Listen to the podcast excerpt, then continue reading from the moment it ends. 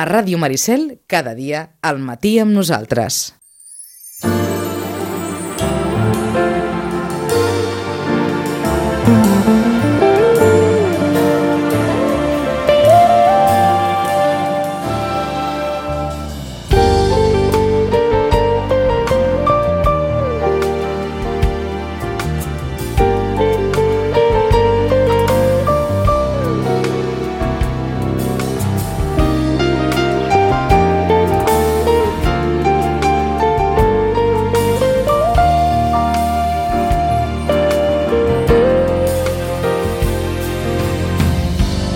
Doncs eh, una nova Hora d'Europa, eh, aquest espai que mensualment eh, portem a terme amb el suport de la representació de la Comissió Europea a Barcelona, l'Oficina del Parlament Europeu a Barcelona i el Consell Català del Moviment Europeu i la col·laboració d'Eurolocal. Joaquim Millà, Millà, bon dia. Molt bon dia.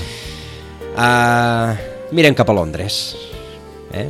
Fa un mes miràvem cap a París, ara ens toca mirar cap a Londres i d'aquí quatre, quatre dies mirem cap a Berlín perquè això ha estat, ha estat un cicle així, com Teresa May ha decidit posar aquestes eleccions aquí al mig, doncs sí. en lloc de dues en tenim tres. Correcte, correcte, correcte. Per tant, vull dir que estem en, una, en un any, diguem-ne, electoral europeu, podríem dir. Eh? No hi ha eleccions europees, però com si les haguessin, eh? perquè constantment estem veient els mitjans de comunicació eh, aquesta preocupació i ho veus arreu de els, tots els estats membres de la Unió Europea doncs aquest interès per les diferents eleccions nacionals d'aquests estats que aquest any eh, coincideixen alguns perquè els coincidien calendari i uns altres perquè han decidit tenir-les, unes eleccions que ens van marcant també quin full de ruta tindrà eh, Europa, no? perquè no és el mateix que un govern d'un dels estats, en aquest cas podria ser França, o al setembre tindrem Alemanya, veurem quin, quin govern hi ha i sobre, sobre el tema europeu quina, quina estratègia tenen i per tant tot això també ens està, sabem que ens està afectant des del moment zero. Per tant,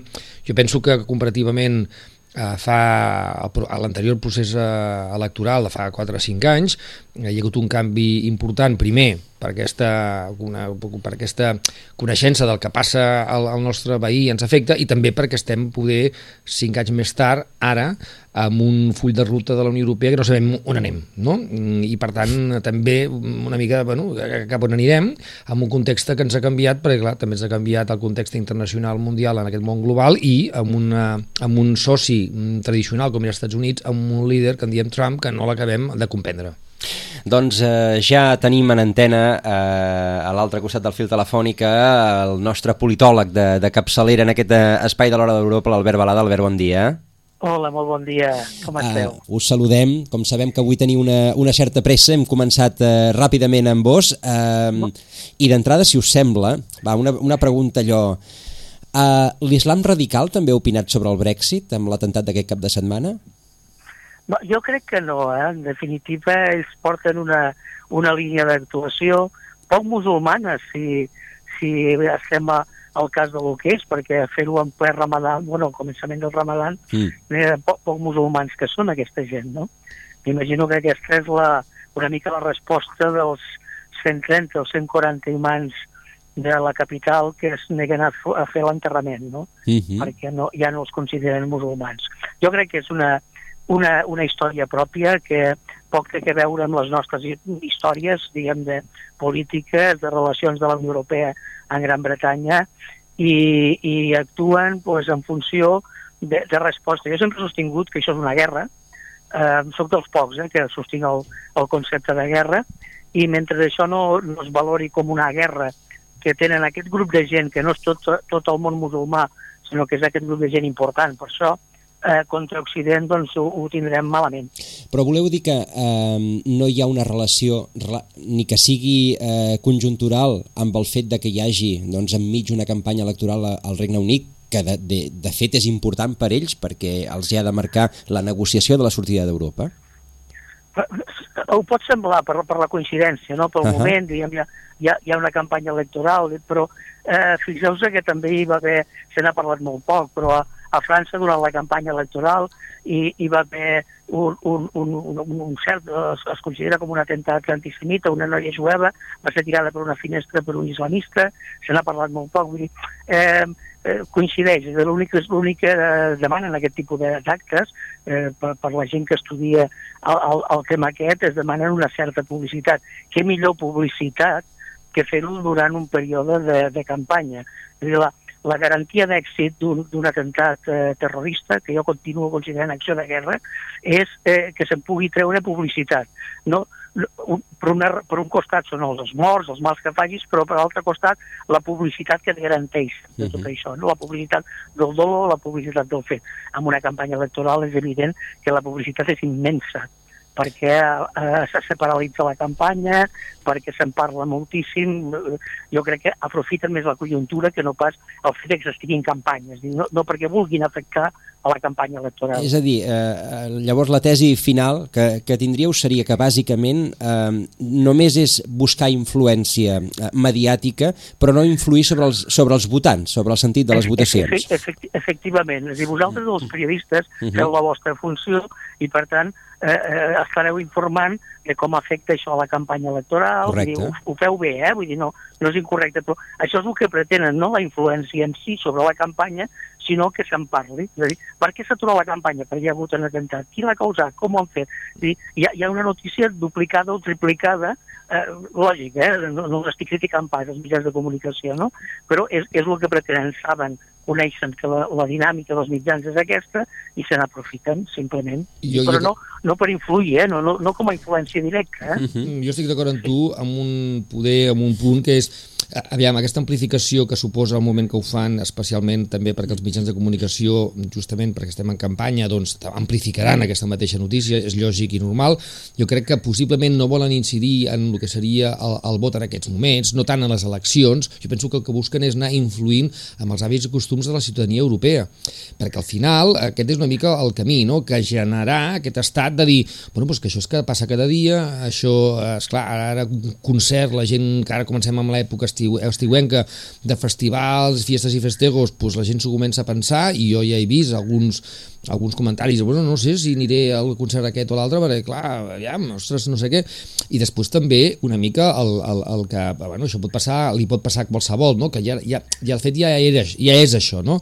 però jo crec que a poc a poc està influint no? amb els hàbits i costums de la ciutadania europea, no? No ho veus tu això, que és també bueno, l'objectiu final d'anar marmant?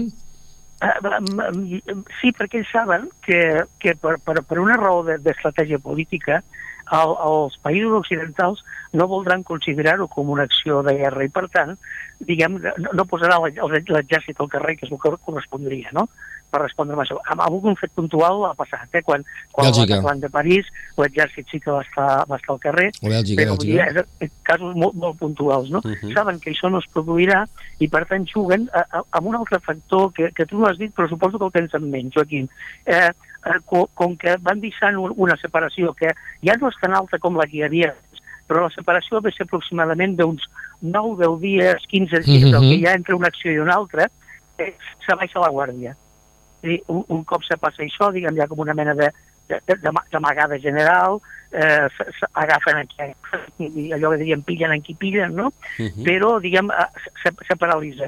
Baixem, baixem la guàrdia i es torna a produir un, un altre fet, perquè eh, el, el joc és, és el joc de la, de la guerrilla urbana, és a dir, que a, a la que nosaltres no hi estem abraçats, no ho sabem fer, no ho sabem controlar. Sigui, són les cèl·lules dorments que en un moment s'activen i es converteixen a, a, en cèl·lules actives, el que se'n diuen els lobos solitaris, aquest tipus de coses, és un llenguatge que ha aparegut als mitjans de comunicació. No? Uh -huh. eh, jo, jo crec que tampoc no, no busquen el fet de que ens acostumem, perquè si ens acostumem perden influència. Si nosaltres ens acostumem a que es produeixin atemptats cada dia, ja, ja, ja no, té, no té gaire sentit per a ells. No, pretenen que ens acostumem. Ells el que pretenen és que ens espantem constantment. No, no sé si El cap sobresalt constant. El, matís. La- el, sobre, el sobresalt constant. Si ens arribéssim a acostumar amb, amb, amb, aquest, amb aquest hàbit, diguem, eh, ells perdrien influència. Ells, ells el que pretenen és la- l'acció del terror és precisament la de causar pànic, Aquesta és la primera, i després la, la de causar mals amb la manera, amb la manera en què es pugui. Saben que no ho poden fer utilitzant armes convencionals, perquè diguem, als nostres països la, les armes no circulen habitualment, i llavors ho fan de la manera en què els imants integristes ja van anunciar. Utilitzeu cotxes, utilitzeu camions, utilitzeu navalles, i si us hi fixeu és com amb els últims anys, pràcticament l'últim any, com ho estan fent, a, a banda d'alguna autoimmolació, però és això, un cotxe, un camió, navalles. Uh -huh. I, ah. i, i, no, i no provocant la, la costum, perquè per, per amb ell seria un error estratègic provocar la costum. Mm. A veure, eh, do, dos qüestions a partir, a partir del, que, del que comentàveu. Per una banda, eh, la mateixa setmana va haver un atemptat immens a Kabul, 150 morts ben bé, um, es, es poden relacionar les, les dues accions? Tenint en compte això, això que comentàveu de l'impacte mediàtic, és a dir, clar, ens han afectat més els morts de Londres perquè els tenim més a prop, però clar, un atemptat de 150 morts no és, no és poca cosa, una acció de guerra, el que, el que comentàveu. Uh, I lligat amb això, quina relació... Uh, heu, heu esmentat també el tema de no treure l'exèrcit al carrer que, que, que, que Europa doncs, anirem molt en compte de treure l'exèrcit al carrer. Quin, quin paper podria tenir un exèrcit sortint al carrer? Els americans, per exemple, tenen una, un precepte constitucional que els impedeix fer-ho i llavors haurien de treure sí, però, només la Guàrdia Nacional, oi? Però serà la Guàrdia Nacional que mm. no deixen de ser sí, correcte. de cada estat, no? Um, eh, Sí, la, contestant la pregunta, sí, si on volies fer alguna altra. No, no, no, no eren, eren aquests dos aspectes, a veure. Bueno, en, en realitat, a nosaltres eh, occidentals ens queda molt clar que, que a Kabul ja estan en guerra. O sigui, ho tenim, això ho, ho, tenim, ho tenim clar, no? El, el que no tenim clar és que on, on estem en guerra és aquí perquè no estem en guerra constantment i es van produint fets, fets violents cada, cada 8, 9, 10, 15 dies. No? Uh -huh. eh, diguem, no, no, no és menys tenir que hi ha hagut 150 morts a Kabul i, i és raonable que la premsa occidental se'n faci ressò més dels morts diguem, propis i, i propers que no diguem, de, de morts que es produeixen més. No? Uh -huh. Però tot el mateix fet. O sigui, d'entrada són morts, eh? Vull dir, això hem de lamentar la pèrdua de vides humanes, però són, són els mateixos fets. Aquí no, no poden matar més perquè no, no tenen armament pesant, perquè no poden actuar d'una altra manera. I han d'actuar, doncs, això, i, i envestint amb cotxes, amb camions, amb, amb navalles, per tant, diguem, el mal que poden fer, malgrat tot i així, són 7 o 8 morts i 50 ferits, però no són tants morts com se poden produir a Kabul, on pots, on pots enviar, perdona'm l'expressió, un pepino uh -huh. i mhm. fer saltar tot un barri, no? Uh -huh. Però els fets són, són exactament iguals. O sigui, són, són dos escenaris de guerra eh, diferents, però amb una, amb una mateixa guerra. Perquè, a més, diguem, els combatents són els mateixos. Bueno, no, no, no és el mateix grup de persones, però vull dir, són, són del mateix grup, pertanyen a, a, la, a la mateixa estructura. Per tant, eh, és, és, és una guerra que té uns focus més violents i té uns focus menys violents o, o, o, o, o, de, o, de, menys, o de menys morts, diguem-ne, no? que són els europeus, mm -hmm. llevat d'alguns casos molt puntuals. D'acord. I, I el tema de l'exèrcit?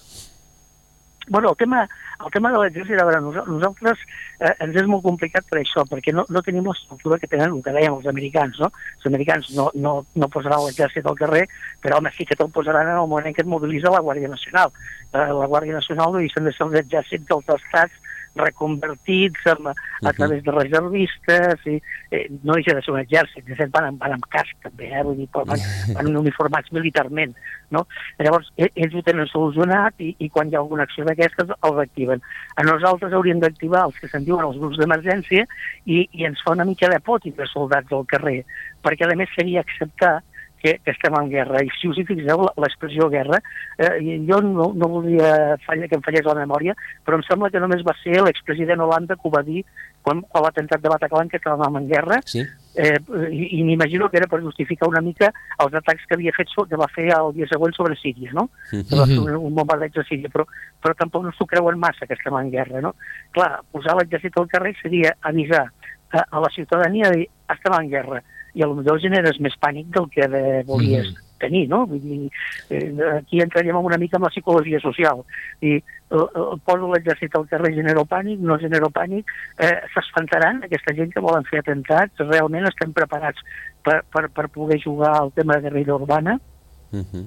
és, és complex, és molt complex és, el tema. És molt complex i no hem parlat encara sí. no hem parlat encara que probablement també ens acabarà afectant a la història aquesta de Qatar i els sunites i tot això. Però com són gairebé dos quarts i l'Albert ens ha demanat que avui dos quarts eh, doncs ho deixéssim aquí, ho deixem sobre la taula perquè déu nhi i gairebé no hem parlat d'Europa, però tot ens afecta, oi?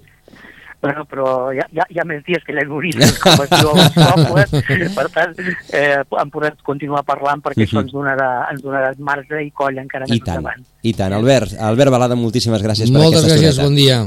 Moltes gràcies a tots dos. Sigui bon dia.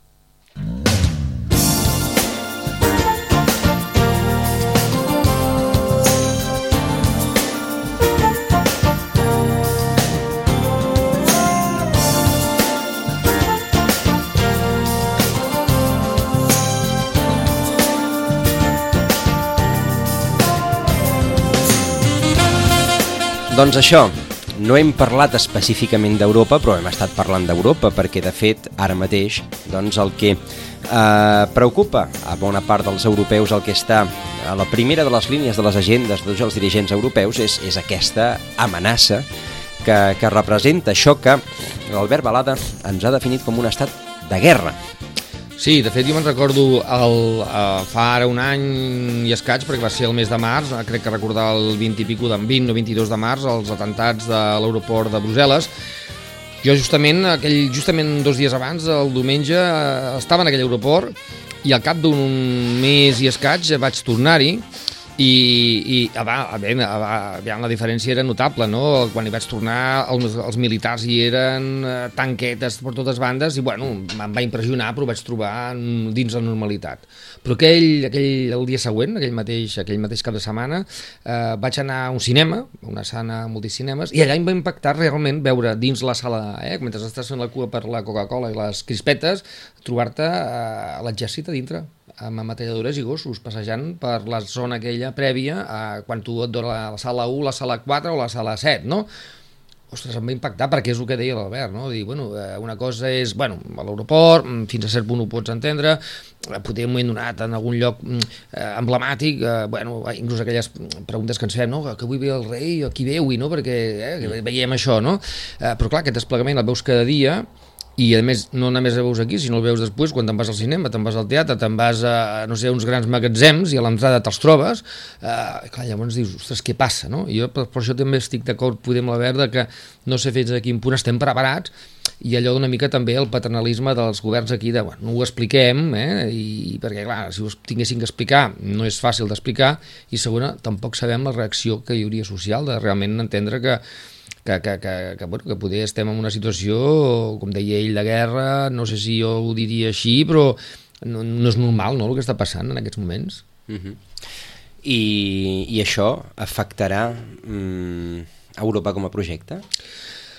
Bueno, evidentment, el, el, Europa com a projecte té molts reptes sobre la taula i aquest és un també, eh? perquè bueno, com, com ho fem, com ho fem unitàriament cara a l'exterior com, com a Unió Europea, perquè és un atac a, a les societats europees i per tant a, a Europa, no sé si tant a la Unió Europea, però sí a Europa, això ho tenim clar, perquè mm, els atentats són aquí amb un, amb un objectiu mm, concret i una estratègia concreta, no estan a un altre lloc, en el cas aquest, eh?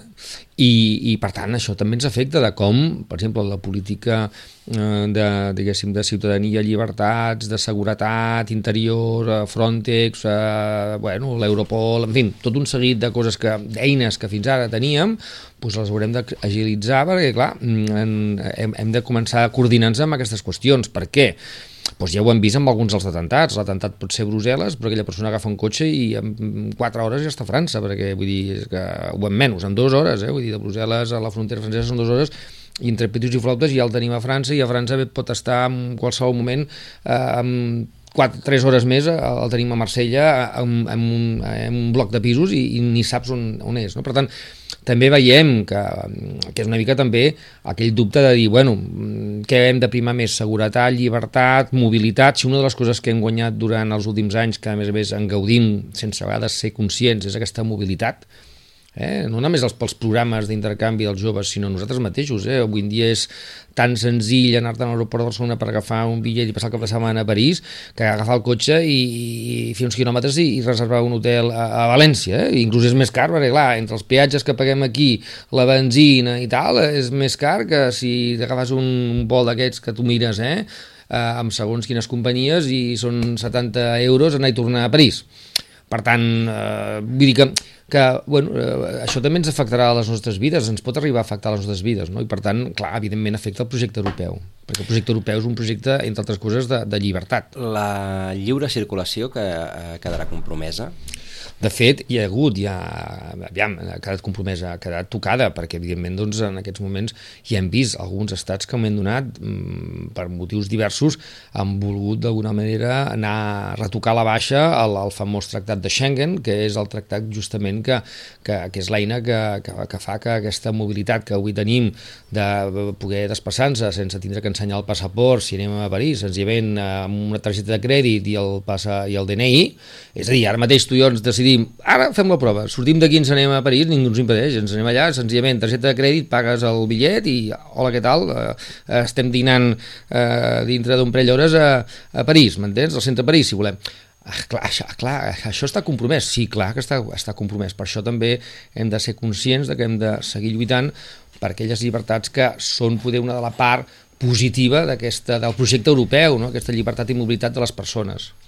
Doncs eh, incorporem en aquest moment a la, a la conversa una persona a la que no havíem saludat eh, encara en espais anteriors de l'Hora d'Europa, el senyor Pere Almeda, llicenciat en Dret per la Universitat Autònoma de Barcelona, idea en Ciència Política per la UPF i per la Universitat de Barcelona amb una tesi sobre teories de la democràcia i el federalisme. Ha participat en diversos programes de formació i fellowships a la London School of Economics, a les Nacions Unides, ESADI i al Forum of Federations. També ha treballat pel Parlament de Catalunya i els gabinets de Justícia i Presidència del Govern de la Generalitat, ha estat assessor del grup dels Verds al Parlament Europeu i fou el coordinador dels projectes internacionals del recinte de Sant Pau a Barcelona. Ha estat també director de la Fundació Palau i Fabra i actualment és professor associat de Ciència Política de la Universitat de Barcelona, membre de l'executiva de la Fundació Catalunya Europa i coordinador del projecte Combatre les desigualtats al gran repte global. Senyor Almeda, bon dia. Hola, molt bon dia. Uh, D'entrada, uh, bé, com veiem un currículum prou europeista, uh, d'entrada d'entrada us volem preguntar, perquè en aquest espai vam, vam començar ja fa molts anys que, que allò que, que ens ho creiem molt, això de això d'Europa, i cada any eh, hem estat una mica més escèptics. Uh, fin, eh, fins a quin punt teniu el termòmetre de l'escepticisme sobre, sobre Europa? Va, comencem per aquí. Bé, bona pregunta. Jo crec que els catalans hem tingut sempre una vocació europea molt clara, uh mhm. -huh. no? de mirar nord enllà, com deia el poeta, uh, esperant que tot allò que representava aquesta idea d'Europa de democràcia, de progrés social i econòmic, doncs també... Senyor, la, senyor Almeda, senyor Almeda, si em permeteu, em permeteu és que eh, se sent mm, força malament. Us, us sembla que us tornem a trucar i, i a veure si d'aquesta manera podem millorar? O teniu un fix a prop? Tenim un fixe. Doncs fem, fem una cosa, fem una cosa. Uh, ara, ara recupera l'Albert Soler, que és el nostre tècnic, uh, us recupera la conversa, li passeu el fixe i us truquem el fixe, perquè és que si no, si no serà molt inaudible la, la resta de la conversa. Us sembla? Val. Doncs vinga, ara ens tornem a saludar. Uh, doncs bé, estàvem eh, amb, aquesta, amb aquest inici de, de conversa amb, uh, amb el senyor Pere Almeda doncs això sobre, sobre, sobre una, una qüestió que sempre estem conversant amb, la pregunta d'examen, no? Aviam, exactament, aviam, tu on estàs, en quina situació et poses evidentment jo crec que, clar, és, és, és evident que podries preguntar obligada avui en dia saber eh, no només l'euroscepticisme o no, sinó bàsicament en aquest debat que s'està produint del projecte europeu, de cap a on volem anar i que cada vegada és més urgent perquè, perquè hem de prendre decisions. Eh? Europa si, si una cosa ha fet bé, però avui en dia pot ser s'està tornant en contra, és de que bueno, les coses s'han de consensar, debatre, parlar, etc i prendre decisions que podem altres temps no requerien certa agilitat, però el món avui va, sempre ho he dit i últimament ho he repetit bastant, el món segueix anant més ràpid que Europa i Europa està al món i per tant poder hem de començar a mullar-nos i a prendre decisions una mica més agilitat perquè si no eh, ens trobem sempre amb aquesta sensació dels darrers temps també en fora de joc dins el projecte europeu interiorment i també una mica fora de joc dins amb el projecte europeu externament. I jo crec que aquí ens hem de començar a, a, a situar quina Europa volem. Uh -huh.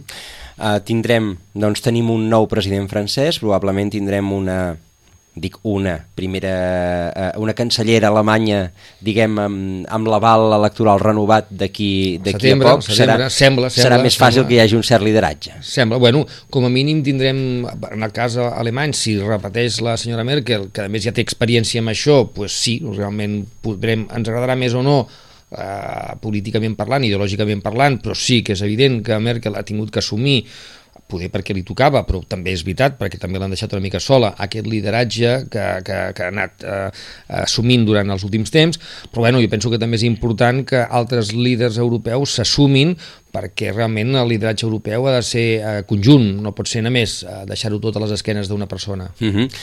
Doncs eh, tornem a recuperar la, la conversa amb el senyor Pere Almeda, esperem sentir-lo ara una miqueta millor, perquè és que la veritat ja poden posar el roaming gratuït ja perquè és que a vegades truques aquí al costat de casa i la feina és... Senyor Almeda, bon dia. Bon dia, espero que ara ens sentim millor. Uh, una mica millor, no, no creieu, eh? No creieu, però bé, una miqueta millor, mi, millor oh. sí que ho sentim. Uh, D'entrada, doncs això, uh, aquesta... On, on estem d'europeisme? De, de, on, on podem col·locar el nivell? A veure, li deia abans, nosaltres jo crec que des d'aquí Catalunya sempre hem mirat a Europa com un espai de democràcia, de progrés social i econòmic, i eh, els catalans hem tingut sempre aquesta vocació.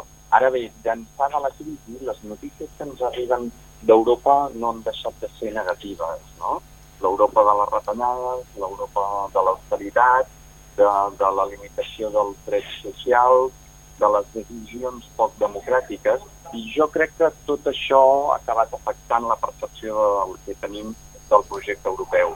Jo sempre explico un, un exemple. Jo, a la meva classe a la universitat, pregunto als meus alumnes si se senten europeus. I d'uns anys ençà, eh, la resposta dels alumnes pot semblar sorprenent per algú de la nostra generació o més grans, però és bastant negativa i molts d'ells no s'identifiquen amb el projecte europeu. Això vol dir que quan un projecte polític com la Unió Europea no està legitimat per les noves generacions, aquest projecte està en perill. Uh, per tant, hem, hem, ens, hem de pensar què és el que cal fer. Ens esteu dient que alumnes, és a dir, gent d'allò de, de 18-20 anys, posem per cas, 20, 22, eh, sí, sí, sí. Es, es, no es reconeixen en el projecte europeu? Eh, uh, exactament això. A mi ja no em sorprèn perquè això m'ha passat en els darrers dos o tres anys. Uh -huh. I aquesta és una sensació o una percepció o una adhesió que fa molt de temps que jo crec que en la ciutadania en general està succeint. Uh, la gent no s'identifica amb un projecte que diu als estats què és el que ha de fer, ho fa amb, poc, amb poca legitimitat democràtica, retalla uh, les despeses socials, retalla els nostres drets socials i quina, quin és el futur? Doncs posar uh, uh, la Unió Europea al servei d'uns interessos difusos, a vegades a favor doncs, d'interessos doncs, corporatius o de uh, el gran capital o inclús a favor dels interessos d'un estat en concret, en aquest cas el d'Alemanya. Diríeu que aquesta percepció que heu tingut a les vostres classes quan feu aquesta pregunta és una mar de font general? Home, jo crec que ara hi ha una decepció bastant important uh -huh. amb el que representa la Unió Europea. Tots confiem en que això s'hauria de transformar, eh, hauria de ser, doncs, hi hauria d'haver un canvi de rumb, però mm, la gent en general amb el sistema està, uh, està poc satisfeta, uh -huh. ja sigui amb els sistemes representatius, amb els sistemes democràtics. I la Unió Europea és forma part d'aquest sistema i segurament és el més llunyà, és el que té més poder, perquè no ens enganyem. Les decisions que ens afecten a la nostra vida quotidiana eh, en aquests moments estan en mans de la Unió Europea. Uh mhm. -huh. I tenim la sensació de que no tenim el control polític ni democràtic sobre aquestes decisions. I per tant és fàcil atribuir-li la culpa. Jo crec que la política local, la política de casa nostra, tant la catalana com l'espanyola, sovint, eh, quan hi ha un problema, diuen no, aquesta decisió ens ve d'Europa. I per tant, el que percep la ciutadania és que Europa és responsable de bona part de les decisions i en certa mesura és cert. Per tant, o posem els debats europeus en el primer pla de la discussió política a casa nostra o la Unió Europea serà com un espai cada vegada més llunyà uh, de, del conjunt dels ciutadans.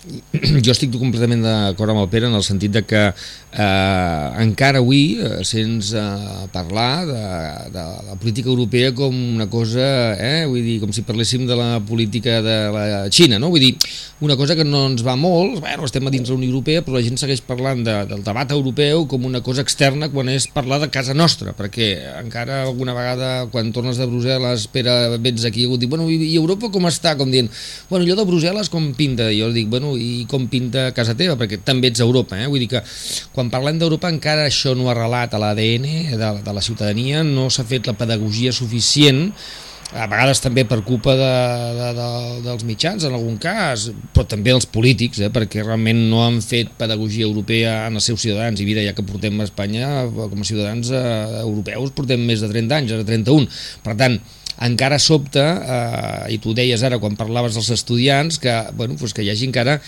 segons quines respostes una mica escèptiques, una mica com això d'Europa no va amb mi, com això d'Europa i a mi què m'adona, i això d'Europa per què hi som, no? Jo crec que aquí ha sigut un, un, un, una errada estratègica des del primer moment de no fer partícip a el que diem societat civil i ciutadania de la mateixa manera que s'ha fet a l'àmbit econòmic, sindical, empresarial, etc etc i per tant també als diferents nivells polítics només faltaria, del projecte europeu. És a dir, la societat civil, la ciutadania se l'ha deixat una mica al marge d'aquest projecte, no? I això ara ho estem pagant perquè quan ara comencem des de dalt a preguntar a la ciutadania, bueno, quina Europa voleu? Escolta'm, ara, ara, ara, anem a consultar la ciutadania, ara, no? Va, què voleu? Esclar, ens trobem que molta gent o està, no està pro labor, o no ho creu, o no ho creu en el projecte, o tampoc sap de què parla, està desinformada, no bueno, sap això jo, que deies tu, no, no, no ho té clar. El, el, que, el, el que veig clar és que la, el projecte europeu és un projecte mig fer, en molts nivells, tant a nivell de política econòmica, com a política fiscal, com a política social, com a estructura institucional. Llavors, si realment volem convertir Europa en un projecte de futur, cal posar a debat i posar sobre la taula els grans temes. Els Estats Units eh, es va construir com a país, com a federació, al llarg de 200 anys, però no va ser fins a la, principis del segle XX on realment es consoliden les primeres institucions federals que cohesionen el país. El projecte europeu ha anat molt més ràpid, però últimament està estancat. La crisi ha posat en tensió totes les, uh, totes les estructures i ara cal pensar realment què, què hem de fer per una banda, um, democratitzar les institucions de la Unió Europea, això és claríssim, uh mhm. -huh. això cal fer-ho, uh mhm. -huh. això cal pensar com situem els ciutadans en el centre de les decisions i per tant que se sentin partícips dels grans temes i per l'altra buscar la cohesió i, la, i reprendre la solidaritat que és el que dona sentit al projecte europeu. En aquests moments, quan hi ha una reunió del Consell Europeu, i això és molt paradigmàtic, cada, surt cada president o cada primer ministre dient què és el que ha pogut aconseguir de cara al seu país. No? 28 rodes de premsa, correcte. Clar.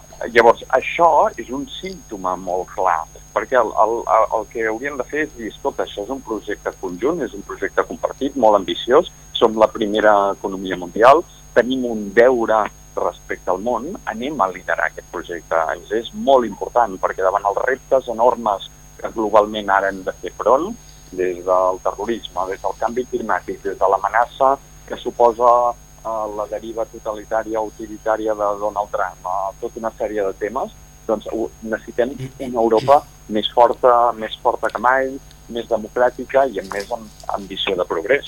Però, mm, tornant al que ens comentàveu fa una, fa una estoneta, eh, el fet de que hi hagi doncs, eh, gent que eh, va néixer 10, dia, 10 anys després de la incorporació d'Espanya al projecte sí. europeu, que ara mateix no se senti partícip d'aquest projecte i per tant dels beneficis indubtables que sí que en té, perquè en té des, de, des del foment de la pau a, a, a, nivell, a nivell europeu, després de les guerres, fins a doncs, la, la lliure circulació, fins a bé, sí. aspectes més concrets. Sí, com per... el, el, el, el que passa que hem de, hem de deixar de entendre Europa amb aquests tòpics Ja. que hem repetit de manual com sempre. Jo crec que ara ja no ens serveixen i hem de ser realistes. Sí, l'Erasmus ja no ven, per dir-ho així. Sí, sí, però l'Erasmus no és suficient. Ja, ja. Si, tot, si tota la identitat europea ho recolzem amb el programa Erasmus, que sens dubte és un èxit, uh, jo crec que demostra la feblesa actual del projecte europeu. Hauríem de tenir projectes Erasmus en tots els àmbits, no? Mhm. En l'àmbit cultural, en l'àmbit econòmic, en l'àmbit de la solidaritat, en, en moltíssims altres aspectes. Llavors, el, el tema de l'Erasmus també s'ha convertit en un tòpic, no? Des de quants anys fa dient que Europa el que ha creat eh, la, la identitat europea del projecte, bueno, sí, però ara hauríem de poder afegir molts altres projectes. Mhm. I, en canvi, les notícies, insisteixo, que ens arriben d'Europa no són positives. Des de les derives autoritàries dels països de l'est, uh, uh, tota la problemàtica que hi ha hagut amb la crisi econòmica, amb el cas de Grècia, el rol d'Alemanya, jo crec que això és fonamental perquè el, atribuïm el lideratge alemany com el lideratge europeu, però no és del tot cert uh, Alemanya juga un paper molt important i ha de jugar aquest paper, però no ha de mirar els propis interessos, o no només, com la resta d'estats. Té un paper més important perquè és l'estat uh, econòmicament més poderós. Ara bé, és legítim les decisions que han pres en els darrers anys són susceptibles de crítica? Evidentment que sí. Llavors hem de fer un discurs constructiu, però també crític amb el que creiem que no és positiu. Uh, I Alemanya, en aquest sentit, ha aportat sempre l'aigua per als canals que els interessa. I això no ha sigut positiu pel projecte europeu. I creieu que serà factible ordenar aquest galliner de 27 barra 28 galls? No tenim altre remei, perquè les alternatives són dolentes. Les Mm. alternatives de sortir de l'euro, de, de, de, de construir la Unió Europea, jo crec que en aquests moments ens portarien a un carreró eh, sense sortida, perquè a, a fer front als problemes que són globals ho necessitem amb espais de governança multinivell i espais com el que representa la Unió Europea.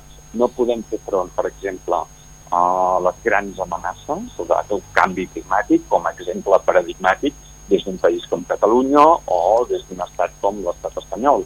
Necessitem que la Unió Europea jugui un rol internacional important, que sigui aquest, aquesta veu, aquest lideratge de progrés que segurament ara, ara mateix ningú representa en la resta del món i per tant aquests reptes globals que ens afecten cada dia de manera quotidiana necessiten de la Unió Europea. I en un món on la mundialització dels processos econòmics també doncs, és de difícil uh, gestió, que hi hagi un espai com la Unió Europea també ens beneficia. Ara bé, hem de veure com ho pot fer, quins són els objectius i quines són les prioritats. I Ah. quins són els valors que inspiren aquest projecte europeu. I sou optimista que, doncs, amb el nivell actual de governants que tenim, puguem anar per aquest camí? Bona pregunta. no, eh, doncs bé, jo soc un optimista en què eh, cal l'esforç de tots i ens hem de posar entre tots. Eh, no és un tema gens fàcil i el, el projecte europeu sempre s'ha dit que avança eh, dos passes però en retrocedeix quatre. Eh, caldrà, caldrà fer-ho. Depèn també de l'orientació ideològica. Jo crec que hem estat en mans d'una agenda neoliberal que això ha condicionat i, per tant, el que passat també cal donar-li una lectura política ideològica.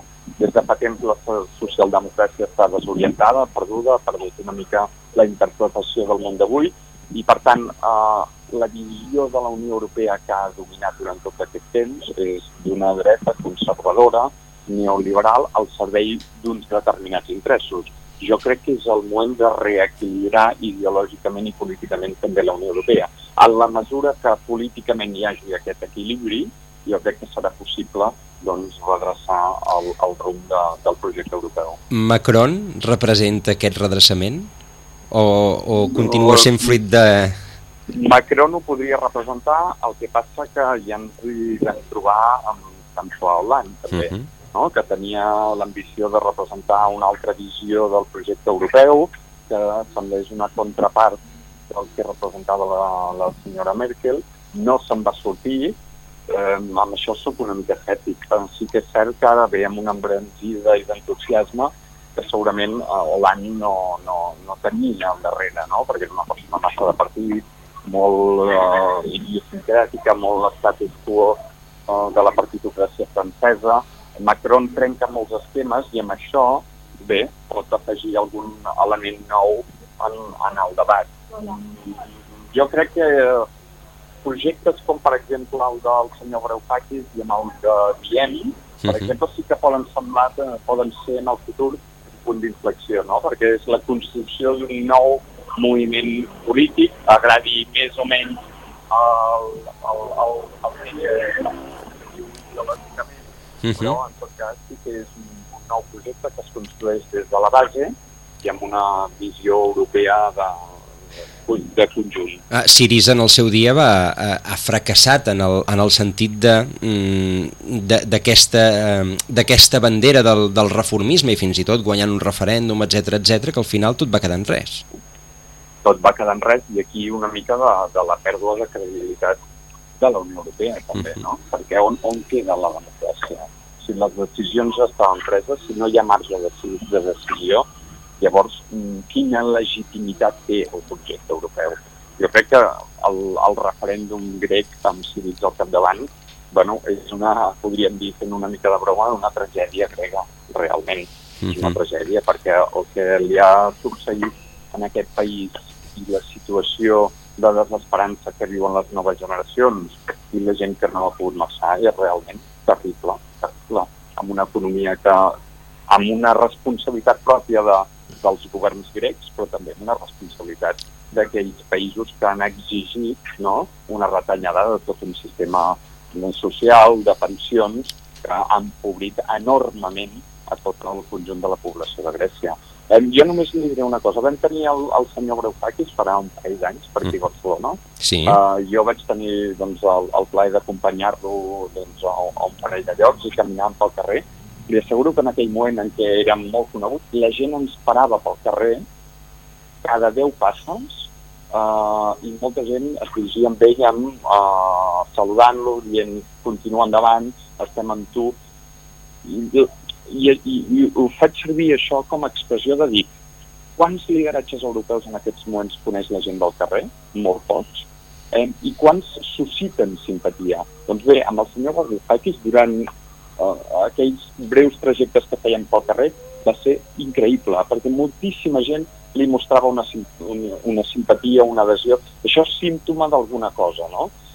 segurament el senyor Varoufakis no tenia raó en alguns aspectes, en d'altres sí, però en tot cas representava un altre discurs, un altre relat del que pot ser Europa, que jo crec que és el relat de dir, escolta, anem a construir un projecte europeu més solidari, amb més legitimitat, legitimitat democràtica i que respongui als interessos dels ciutadans i no altres interessos que sembla que uh, han, han pres el lloc dels ciutadans en els darrers temps. Uh, Varoufakis està al darrere de, de, de, de muntar un, un camí nou a Grècia que serveixi com a projecte europeu? Bueno, ell està al darrere d'un nou projecte polític europeu uh -huh.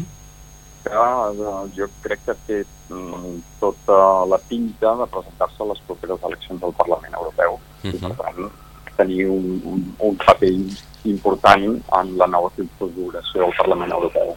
Qu quan són aquestes eleccions? Dins d'un parell d'anys, no?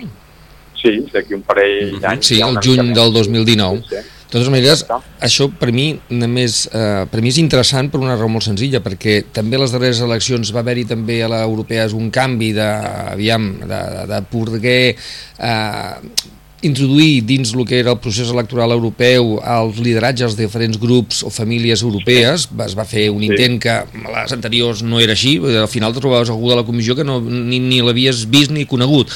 Aquesta vegada ha sigut així i jo crec que sí, a més, sí, el, ara ja... El, el el Partit Popular Europeu va dir que presentaria el senyor Juncker, efectivament. Per això, per això, ja es va fer un pas. Jo crec que ara el que està fent el Ferrocarrils és un pas més, és a dir, ja preveiem això i comencem a treballar, com dius tu, Pere, i per tant, si això ho fessin diverses famílies europees a la vegada, o diverses opcions, donaria credibilitat a dintre de dos anys a unes eleccions europees on realment la gent creu que està votant el govern europeu eh, de, manera molt més clara i evident. No? Ara, ara si em permeteu tirar aigua al vi, eh, ja veurem d'aquí dos anys.